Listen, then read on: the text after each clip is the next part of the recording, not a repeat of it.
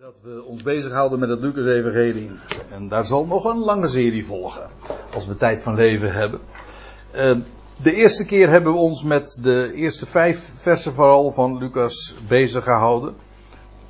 Dat is de introductie van het boek. Waarin Lucas ook verhaalt uh, ja, wat zijn doelstelling is met het optekenen van, van de geschiedenissen. En hoe hij ook uh, daarin te werk is gegaan. En dit eerste deel, want we weten inmiddels dat op dit eerste boek een vervolg is gekomen. En dat kennen wij als de handelingen van de apostelen. Maar je zou dat dus net zo goed twee Lucas kunnen noemen. De keer daarop hebben we ons bezig gehouden met dat wat daarop volgt, vers 5. En we waren gekomen tot een vers of 18 of zo. En ik stel voor uh, om eventjes het geheel ook te overzien, om dat ook te lezen.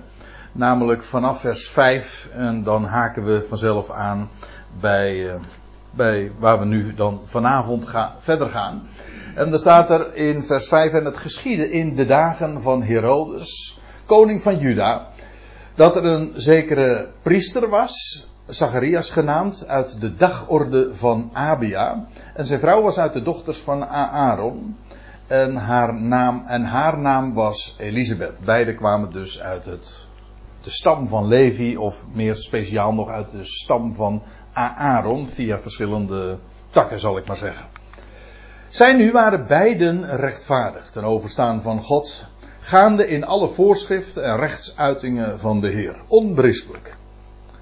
En ze waren kinderloos, omdat Elisabeth onvruchtbaar was. En beide waren gevorderd in hun dagen.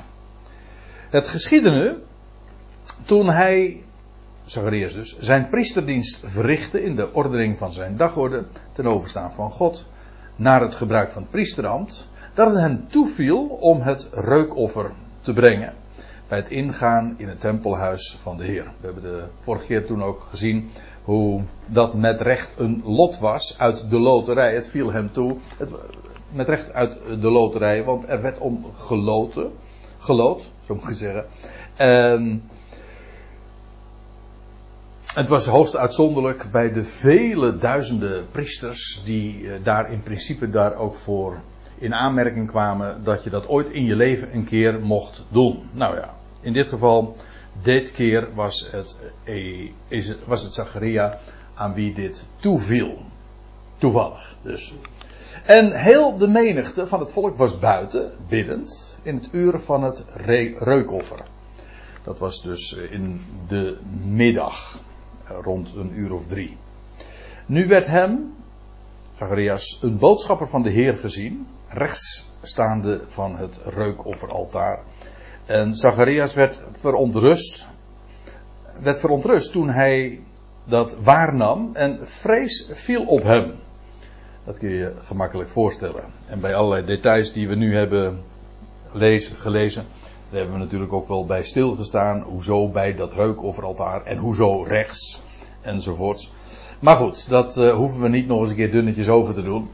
Maar staat er dan in vers 13: De boodschapper zei tot hem: Vrees niet, Zacharia, want verhoord wordt jouw smeekbede. En je vrouw Elisabeth zal een zoon voor je baren. En jij zult hem noemen bij de naam Johannes. En er zal vreugde voor je zijn en gejubel. En velen zullen zich verheugen in zijn verwekking. Want hij zal groot zijn in het zicht van de Heer. En wijn en sterke drank zal hij niet drinken. En van Heilige Geest zal hij vervuld worden. Reeds vanuit de buik van zijn moeder. En vele van de zonen van Israël zal hij omkeren. Op de Heer hun God. Dat is een wat vreemde manier van zeggen natuurlijk. Uh, om het zo te formuleren, maar zo, zo, om zo dicht mogelijk bij de wijze van formuleren, van de Griekse manier van formuleren van Lucas te blijven, heb ik het maar even zo weergegeven. Um, hij was, hij, het leek erg op een Nazireër, maar we hebben ook gezien, dat was hij niet. Maar het was in elk geval zo dat hij geen wijn en sterke drank dronk. Zou hij drinken, maar uh, waar wijn en sterke drank een beeld van is, namelijk van Heilige Geest, ook dat hebben we gezien. Daarvan zal hij vervuld worden, zelfs al vanuit de buik van zijn moeder. En dat is een opmerking die later ook wordt uitgelegd als Maria Elisabeth, eh, haar nicht, eh, ontmoet. Dan wordt daar nog weer even aan gerefereerd. Nou, hier waren we gebleven.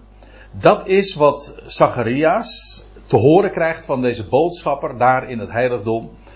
Terwijl hij bezig is. En wat die zoon van hun ouderdom en die wonderbaarlijke aankondiging. Ja, en ook een wonderbaarlijke geboorte natuurlijk. Want beide waren ze oud. Bovendien, uh, Elisabeth was haar hele leven onvruchtbaar geweest. Dat nu haar dit zou gebeuren. Ja, inmiddels zij. Uh, ja, ze kon dit weten natuurlijk. Of in ieder geval, nee, ik zeg het niet helemaal goed. Maar ze, het fenomeen kende ze maar al te goed vanuit de schriften. Namelijk dat dit ook uh, de aartsvaders, bij meerdere gelegenheden lees je daarover van dames, vrouwen die onvruchtbaar waren.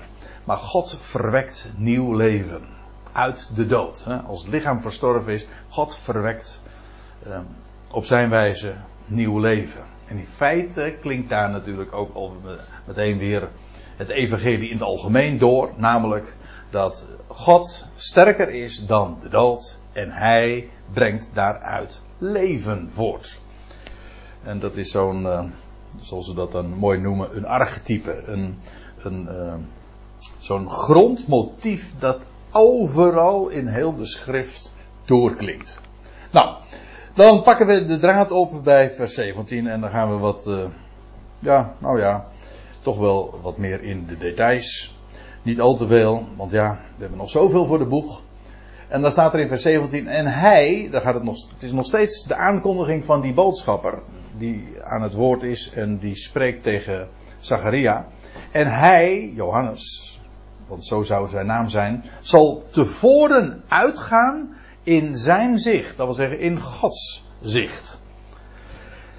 Tevoren, en het idee daarbij is ook dat hij de weg zou bereiden. Zo wordt hij ook genoemd. En in Jezaja 40 wordt, ja, wordt die profetie ook gegeven. Ik ga er nu niet naartoe, omdat het ook niet, niet hier wordt aangehaald. Bij andere gelegenheden in de Evangelie wordt er wel aan gerefereerd. Aan dit vers. Maar inderdaad, hij ging uit tevoren. Dat was omdat hij de weg moest bereiden. Hij moest alleen maar iemand aankondigen, maar bovendien ook de hele weg effen maken. Zo wordt het dan elders genoemd. De weg uh, gereed maken. Uh, voor, hem, voor degene die na hem zou komen. Zijn achterneef, om zo te zeggen. En dat is zijn functie. Zijn functie is dus om tevoren uit te gaan, en er staat er nog bij, in de geest en kracht van Elia. Deze Johannes, dat is een, een kwestie apart, maar dat is niet, hoewel je soms de indruk krijgt dat dat zo zou zijn, dat hij Elia in persoon zou zijn. Dat wil zeggen dat hij een soort van, uh, zoals anderen dat dan zouden noemen, een reïncarnatie zou zijn van Elia.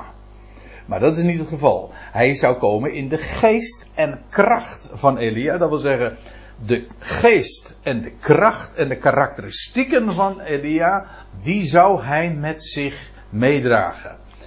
En eh, dat gaat eh, nog veel verder zelfs, want de profeet Elia, die ook was aangekondigd. Ik bedoel, Elia zou terugkeren. Eh, er zou, voordat de dag van Jahweh zou aanbreken, zou de profeet Elia gezonden worden. En in dat geval is het ook, praten we ook weer over iemand die de naam van Elia draagt, omdat hij komt in de geest en kracht van Elia. In de geest van, en, en de geest en kracht, dat is dezelfde karakteristieken. Je leest in 2 Koningen 1. Ik zal daar een, een, een, wel een heel frappant voorbeeld van geven. In 2 Koningen 1, dan, ja, je zou er eigenlijk de hele geschiedenis er even bij moeten lezen. Maar dat doet nu even niet zozeer de zaak. Het gaat over koning Agas, als ik me niet vergis. En dan dan wordt er gerefereerd aan iemand. En dan staat er, en zij antwoordden hem, het was iemand, dan gaat het over Elia, het was iemand met een harenkleed en een lederen gordel was om zijn lendenen gebonden. Oh, en toen zei hij, dat is de Tisbiet Elia.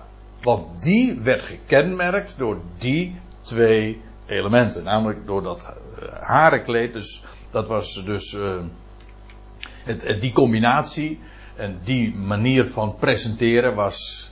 Uh, was hoogst ongebruikelijk. En dat was karakteristiek voor Elia. En daarom als uh, hij zo wordt beschreven, dan wordt dat meteen ook herkend. Oh, maar dat is die man, uh, de Tisbiet Elia. Nou, nou moeten we even verder lezen. In Matthäus 3 lees je. Hij nu, zonder trouwens dat daar aan gerefereerd wordt, of zonder dat er gezegd wordt van, oh, maar dat is Elia. Het blijkt wel onmiskenbaar, want dan staat er, hij nu, Johannes, die droeg een kleed van kameelhaar en een leren gordel was om zijn renderen. En zijn voedsel bestond uit sprinkhanen en wilde honing. Ja, want we weten, hij, uh, hij groeide op in de woestijn. Hij heeft zich al op een jonge zeer jonge leeftijd afgezonderd. In de, in de woestijn groeide hij op, leefde hij dus buitengewoon sober. En zijn voedsel bestond uit sprinkhanen en honing. Maar u weet, honing, dat trouwens, dat geldt voor sprinkhanen ook, dat schijnt buitengewoon gezond te zijn. Nee, het is geen voedseladvies, maar.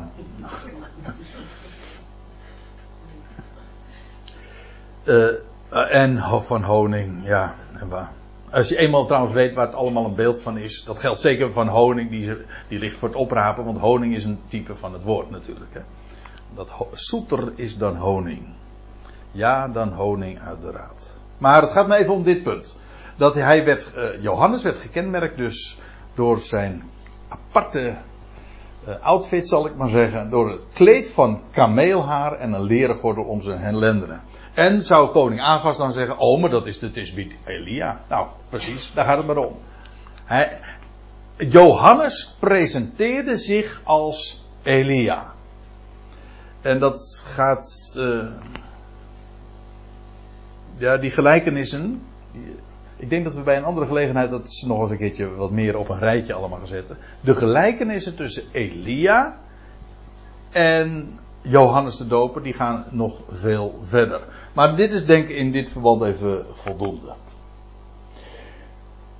Er staat er nog bij, uh, hij zal tevoren uitgaan in de geest en kracht van Elia, om te keren harten van vaderen tot kinderen.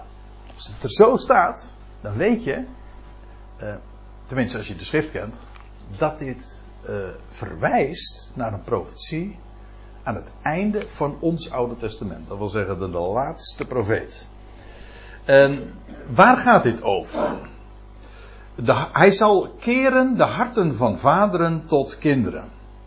En dan gaat het. Ik, ik heb al meer dan eens hier ook wel een toespraak over gehoord. En dat.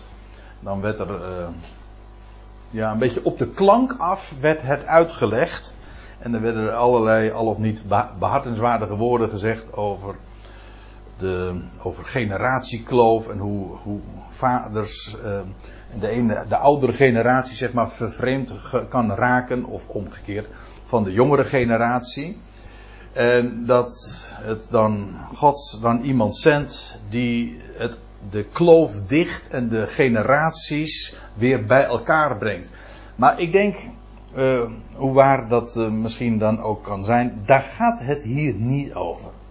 De vaderen, dat zijn namelijk de aartsvaders, aan wie de beloften ooit waren gegeven. En wat God zou doen, eh, die, of God gaat er iemand op uitsturen, ter aankondiging van de Messias, en wat zou die doen? Die zou de harten van de vaderen, dat wil zeggen de harten die de vaderen hadden. En het hart, namelijk ook uh, het hart dat gericht was op God en geloofde in, in wat God zei. Wel, dat zou gericht worden uh, tot de kinderen. De kinderen waren vervreemd van deze vaders. Die wandelden niet in dat geloof. En de, en de vaders zouden als het ware hun harten weer neigen. En, die zouden gebracht worden tot, de, tot, ja, tot de, tot de kinderen Israëls, om zo te zeggen. Laten we eens eventjes uh, naar de profetie toegaan waar dat gezegd wordt. En dan gaan we naar het laatste Bijbelboek. Dat is ook uh, onze, de volgorde van de Bijbelboeken zoals wij het kennen in het Oude Testament. Dat is anders dan de Hebreeuwse Bijbel. De Hebreeuwse Bijbel dat heet de Tenach. Hè? Dat is ingedeeld in de Torah, de, de, de T en de profeten en de geschriften. Torah, Nebiim, de Ketubim, dat wil zeggen de wet, de profeten, geschriften. Ons Oude Testament is heel anders ingedeeld. Um, nou ja, dat is eigenlijk wel een beetje een kwalijke zaak, maar in ieder geval, uh, dat is op volgorde gebeurd. En de laatste profeet die het, van het Oude Testament, dat is de profeet uh, Malachi. Malachi, oh, daar hoort een i nog tussen. En Malachi betekent trouwens mijn bode. Hey, dat is ook wel boeiend. Want in feite wordt in de naam van Malachi al Johannes de Doper, zijn bode, de bode die zou komen, uh, aangekondigd. Dat wil zeggen, de laatste profeet van het Oude Testament, die kondigt de eerste profeet van het Nieuwe Testament aan. Eigenlijk is Malachi, je zou dat echt kunnen, zo kunnen zeggen, Malachi, betekent mijn bode, dat is de brug tussen het Oude en het Nieuwe Testament. Het, het Oude Testament eindigt met Malachi, maar feitelijk begint de, het Nieuwe Testament ook met Malachi. Namelijk met mijn bode.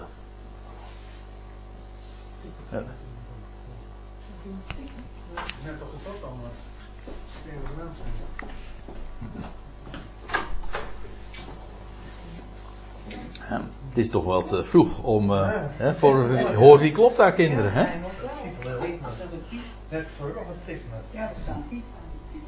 Ja, er staat wel een Piet hier voor je. Ja.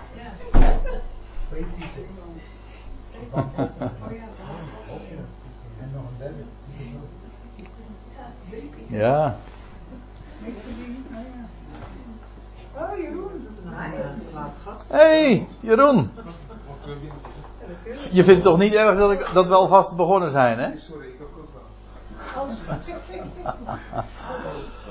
Jeroen. Goed je te zien, man.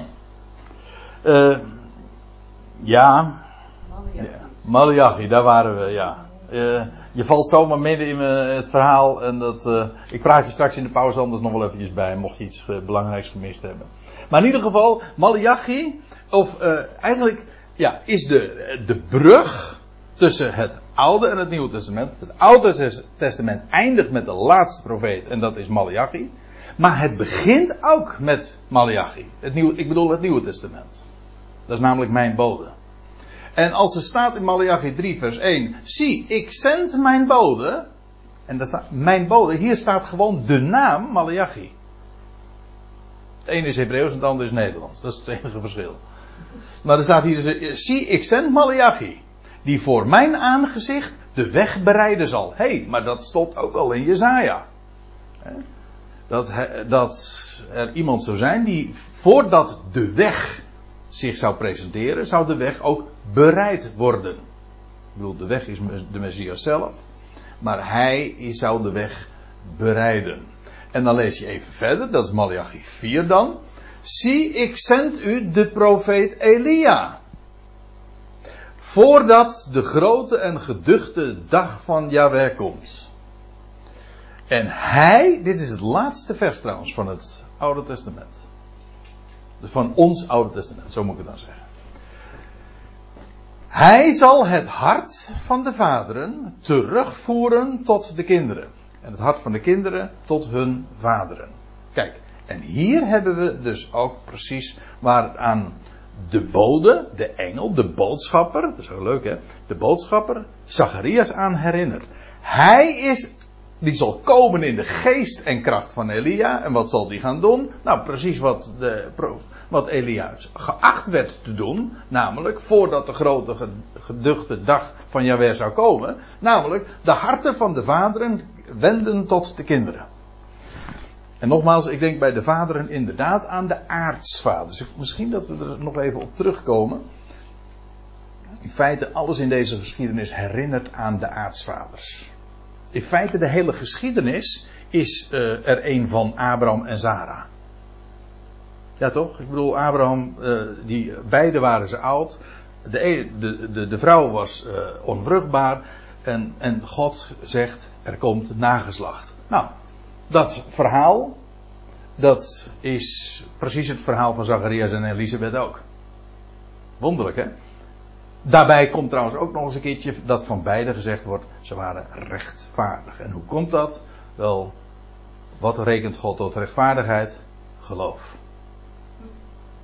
En beide geloofden dat wat de, wat de schriften zei. Hier wordt dus uh, de zoon aangekondigd, hun, uh, ja, de geboorte van de zoon. En dit is wat hij zou doen. Zie, ik zend u de profeet Elia. Dus niet letterlijk, maar degene die in de geest en kracht van Elia zou komen. En dit is wat hij zou doen. Hij zou dat wat zoals de vaderen ooit waren en de, waar het hart van de vaderen naar uitging, wel dat zou gebracht worden tot de kinderen Israëls.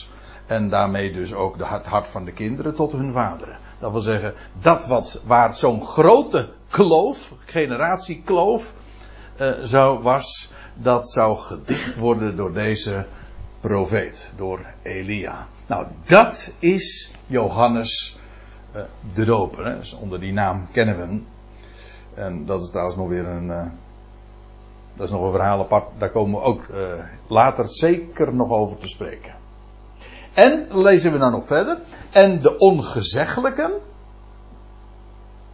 In verstandigheid van rechtvaardigen. Hé, hey, maar dat is eigenlijk weer hetzelfde. Want die kinderen, dat zijn de ongezeggelijke. Maar hun de vaderen, dat wil zeggen de aartsvaders, waar aan God zijn belofte ooit gaf, dat waren rechtvaardigen. Maar daar hadden we het net al over. Die leefden namelijk uit geloof. En dat is trouwens ook altijd erg verstandig. Hè? Ja, als je, als je luistert naar wat God zegt en je beaamt wat Hij zegt, dan heb je gewoon al uh, qua verstand uh, meteen een enorme voorsprong. Want je put dan uit de bron van de Allerhoogste zelf. Dus ja, het, is, het verstandigste wat je kunt doen, is niet te steunen op je eigen inzicht. Dat lijkt soms slim, maar dat is heel dom. Steunen op je eigen inzicht niet, maar vertrouw op Hem met heel je hart. En dan worden je paarden ook recht gemaakt. Maar dat is precies ook wat Johannes de Doper ook zou doen, hè? de paarden recht maken. Ja, en om voor de Heer gereed te maken een toegerust volk. Dat is Elia. Elia, hij die zou komen in de geest en kracht van Elia, die zou dat gaan doen. Het volk gelovig maken en, en daardoor ook toerusten, zodat ze toegerust zouden zijn om de Messias te ontvangen. Zodat je feitelijk, en nu wordt het, ja, ingewikkeld. Uh, ja, nou, ingewikkeld niet, maar het wordt dubbel. Tot dusver is het verhaal simpel. Dat wil zeggen, je, nou ja, voordat de Messias en de dag van de Heer komt, komt er iemand die dat uh, voorbereidt, die de weg bereidt. En dat is Elia. Die, hij heet zo omdat hij komt in de geest en kracht van Elia. Oké, dat is simpel. Maar, wij weten allemaal hoe het gegaan is. Kijk, nu praten we even achteraf. Hè? De Messias is gekomen. En een voorbereider is ook gekomen. Namelijk Johannes de Doper. Maar we weten ook dat de Messias niet ontvangen is. En ik bedoel ook later, toen hij als de opgewekte gepredikt werd onder het volk, toen hebben ze hem verworpen. En de Messias heeft zich teruggetrokken.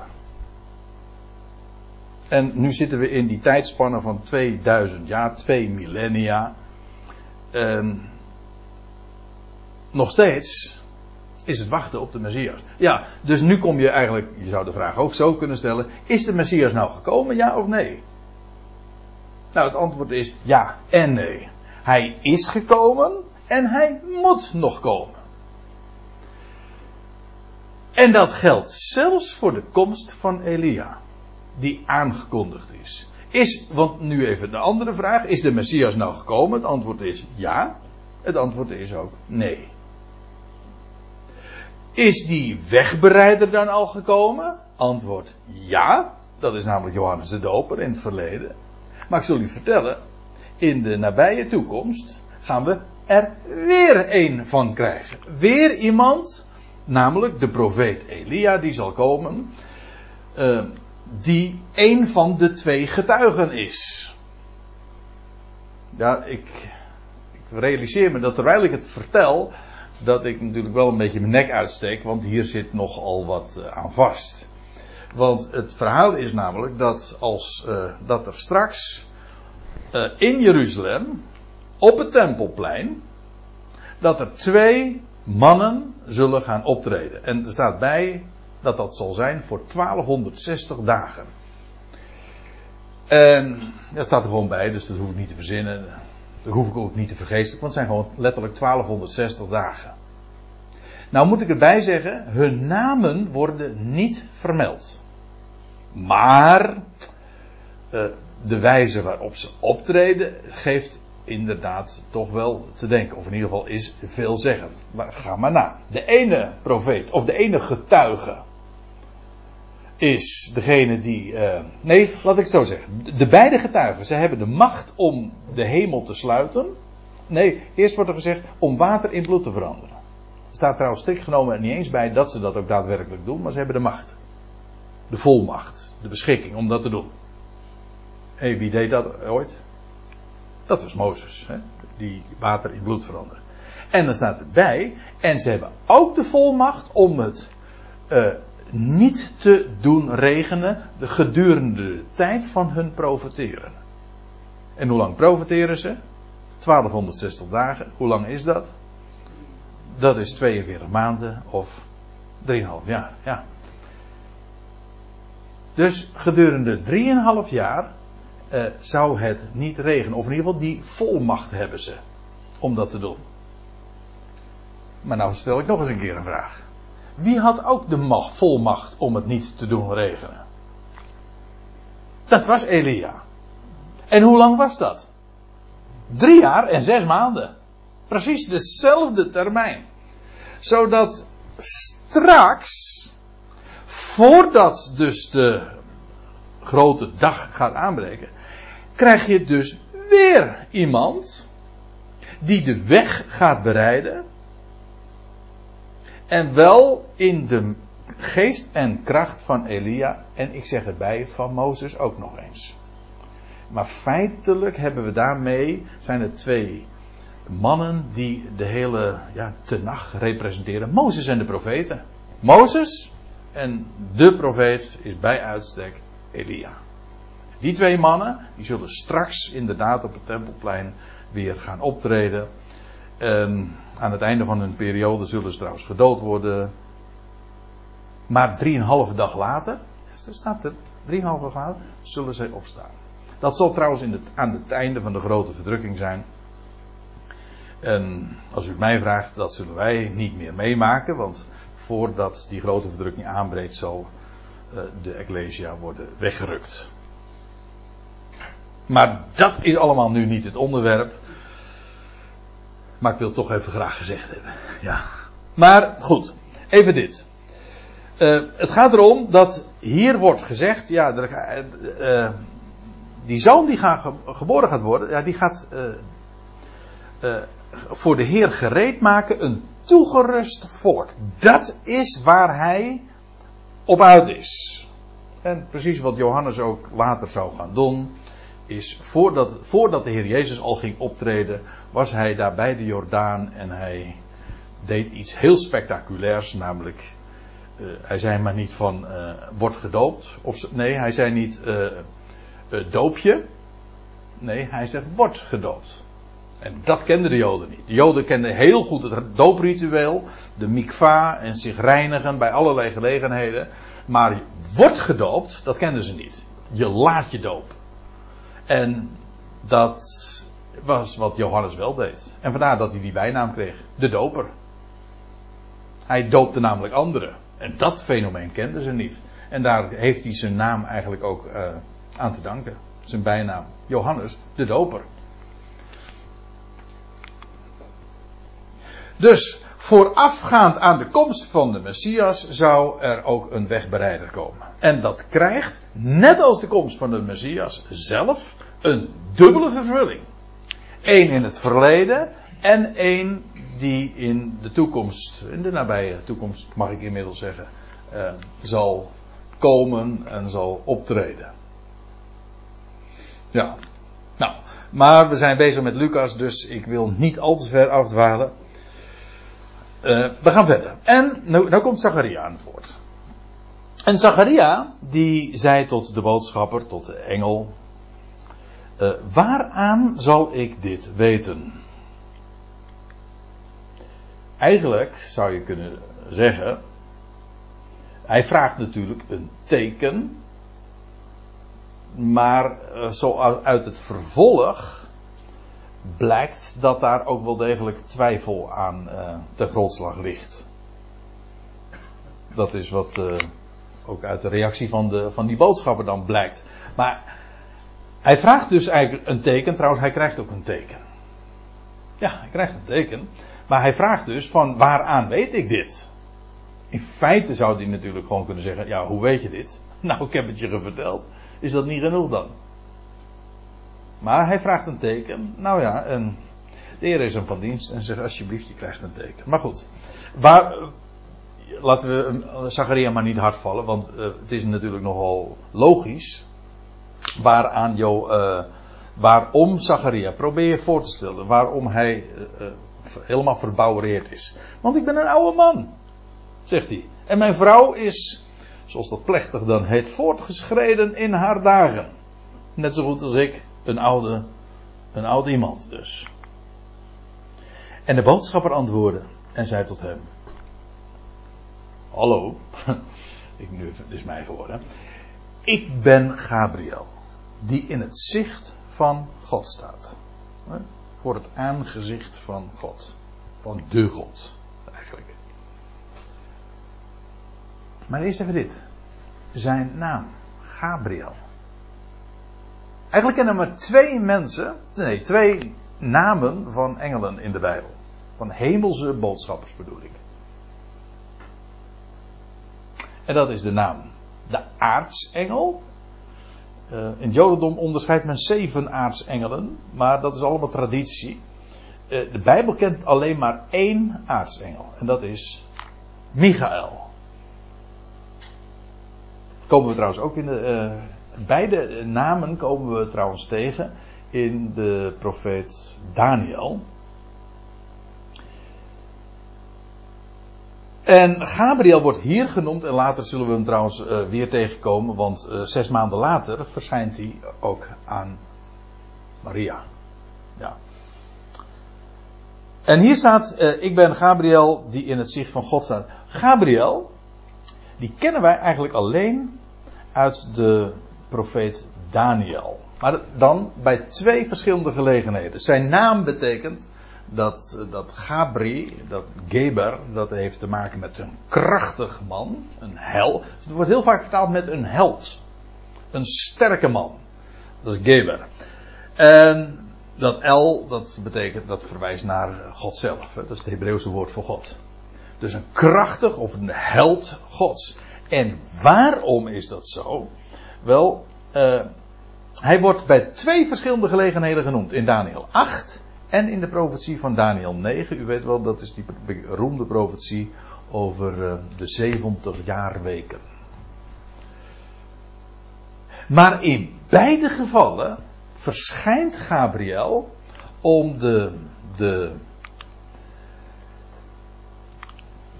de komst van de Messias aan te kondigen. Want hier staat dan ook, uh, ik ben Gab, ik ben eh, ik bedoel, moet je even het hele scenario voorstellen.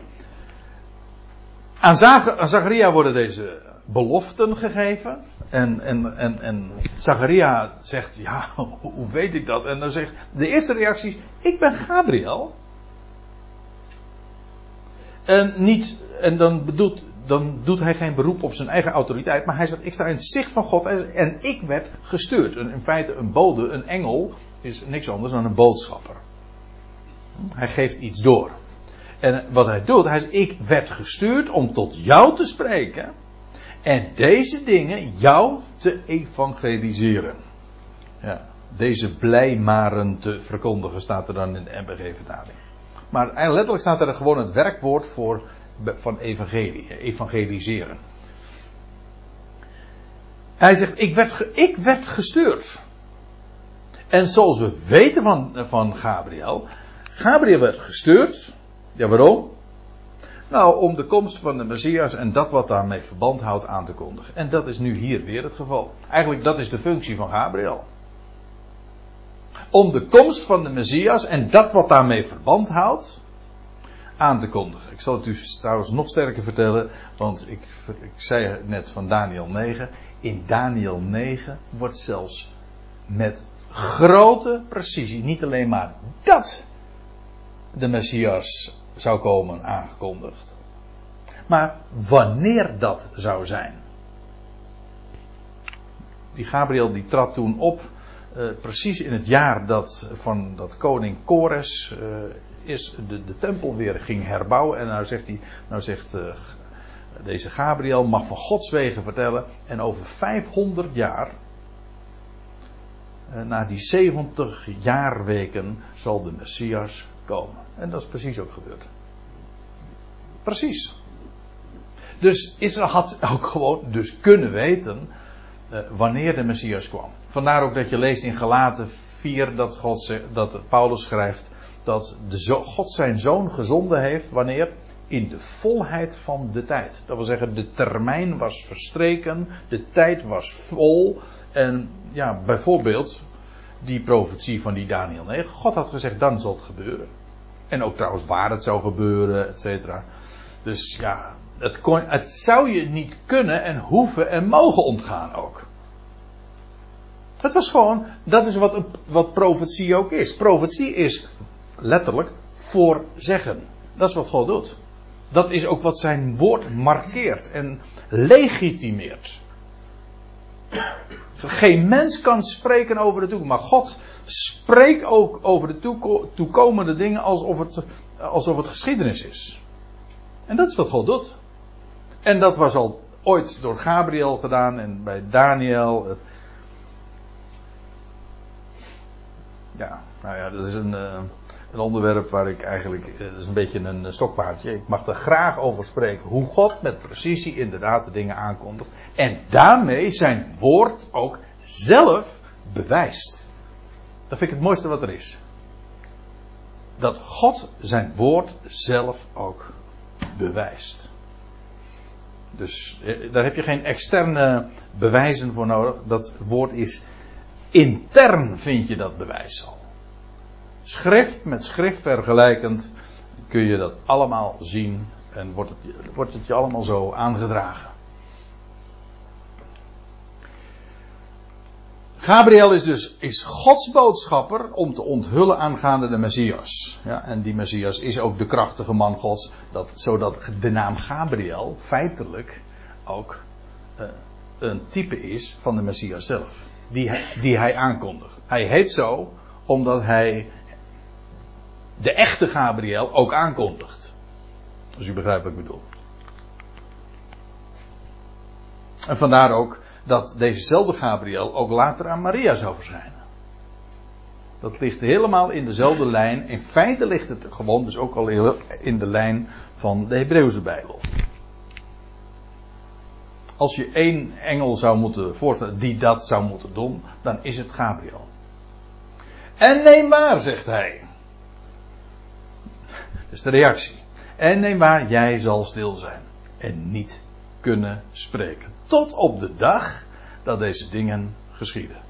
Dat wil zeggen, het is niet zo dat hij uh, met stomheid geslagen wordt. Hè?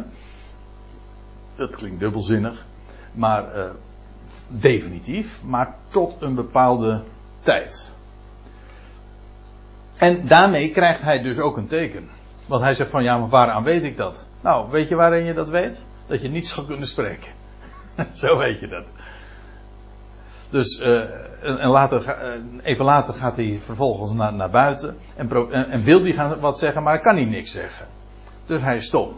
Ja, met stomheid geslagen. Ik, nou begrijp ik eigenlijk ook wat beter die uitdrukking. Hm? Met stomheid geslagen worden. Ja, ik denk aan nog iets. Dat is al van nog veel oudere datum. Namelijk dat uh, God dat tegen het volk Israël zegt. Mijn schoonvader die citeerde dat nog wel eens een keer. De Heere zal voor u strijden en jij zult, en gij, wordt tegen Israël gezegd, en jullie, jullie, jullie zullen stil zijn. Je staat erbij en kijkt ernaar en hij doet het allemaal voor je. En wat doe jij? Nou, niks. En wat heb jij te zeggen? Niks. Ik heb al gesproken. Eigenlijk dat is het idee. Jij hebt helemaal niks te zeggen. Ik heb al gesproken. Dus er zit, uh, ja, noem het een oordeel. Ik, ik noem dat helemaal niet zo. Zo wordt het ook niet gepresenteerd. Het is een teken. Het is, het is het gevraagde teken. Je wordt met stomheid geslagen. Je zal daar niks meer op te zeggen hebben. Dat dacht je? Nou hier, dit is het teken. Dus uh, al wandelend en zelfs niet zeggend, nee, niet sprekend was hij veelzeggend. Dat zo, zo moet je het zeggen. Tot op de dag dat deze dingen geschieden, omdat jij mijn, omdat jij mijn woorden niet gelooft. En niet geloven betekent niet dat hij ze tegensprak, maar hij betwijfelde ze. En we zeggen dan, dat is toch menselijk? Ja, dat is ook heel menselijk. Ja. Maar het was een mooie gelegenheid om voor de Heer om hem dit teken te geven. Omdat je mijn woorden niet gelooft, maar die woorden die zullen vervuld worden. In hun bestemde tijd. Mooi hè?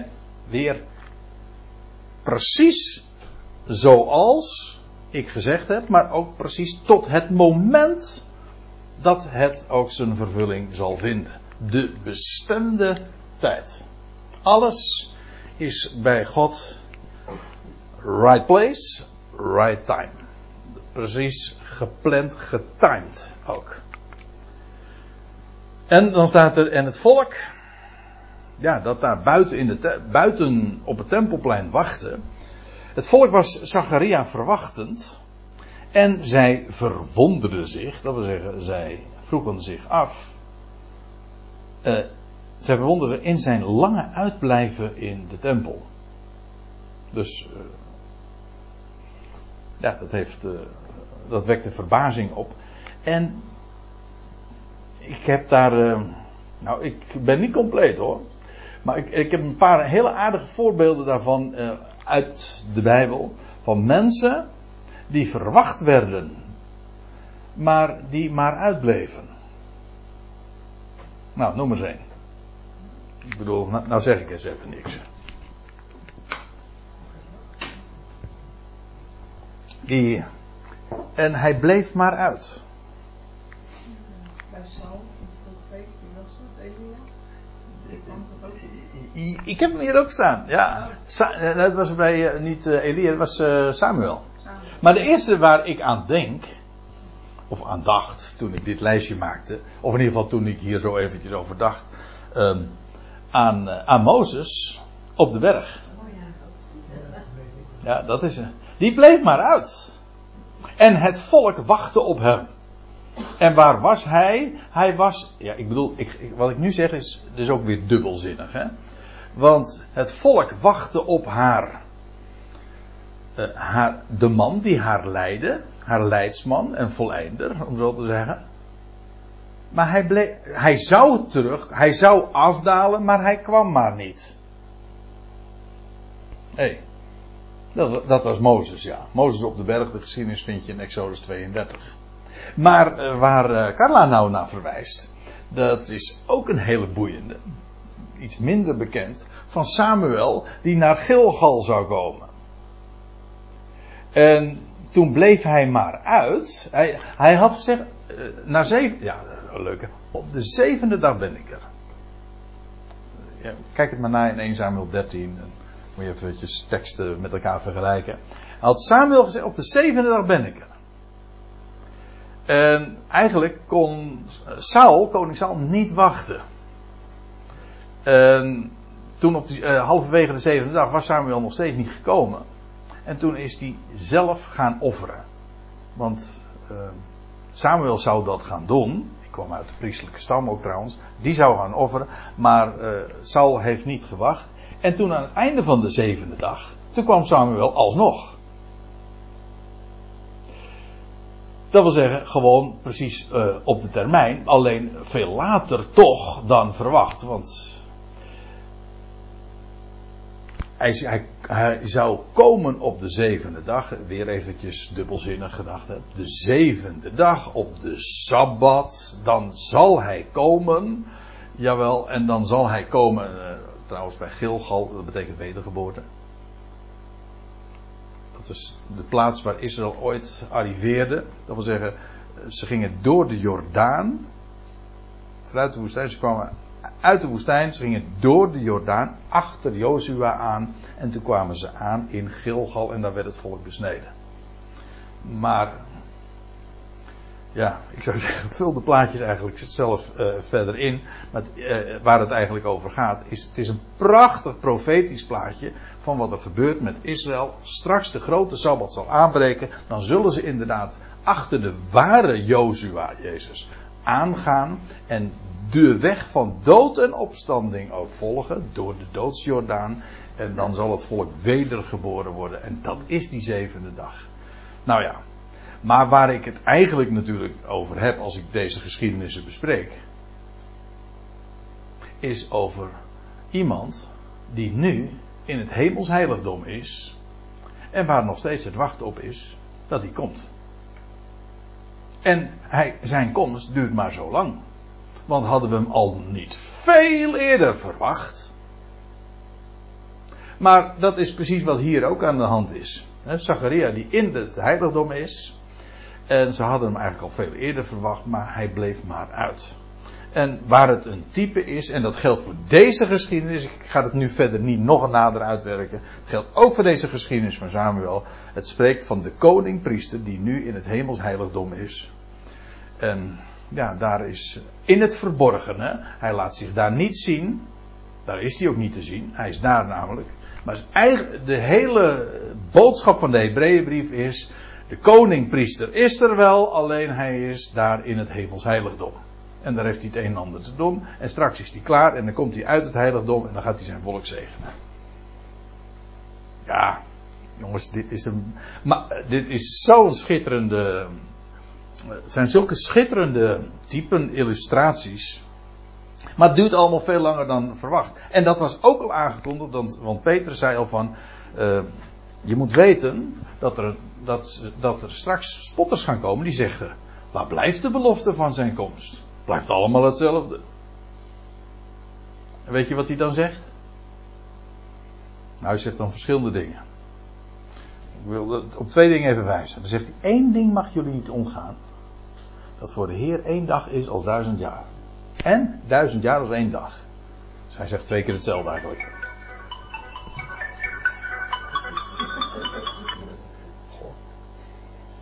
Zet hem altijd keurig op niet storen. En nu heb ik, ik ben ik dat vergeten. Neem me niet kwalijk.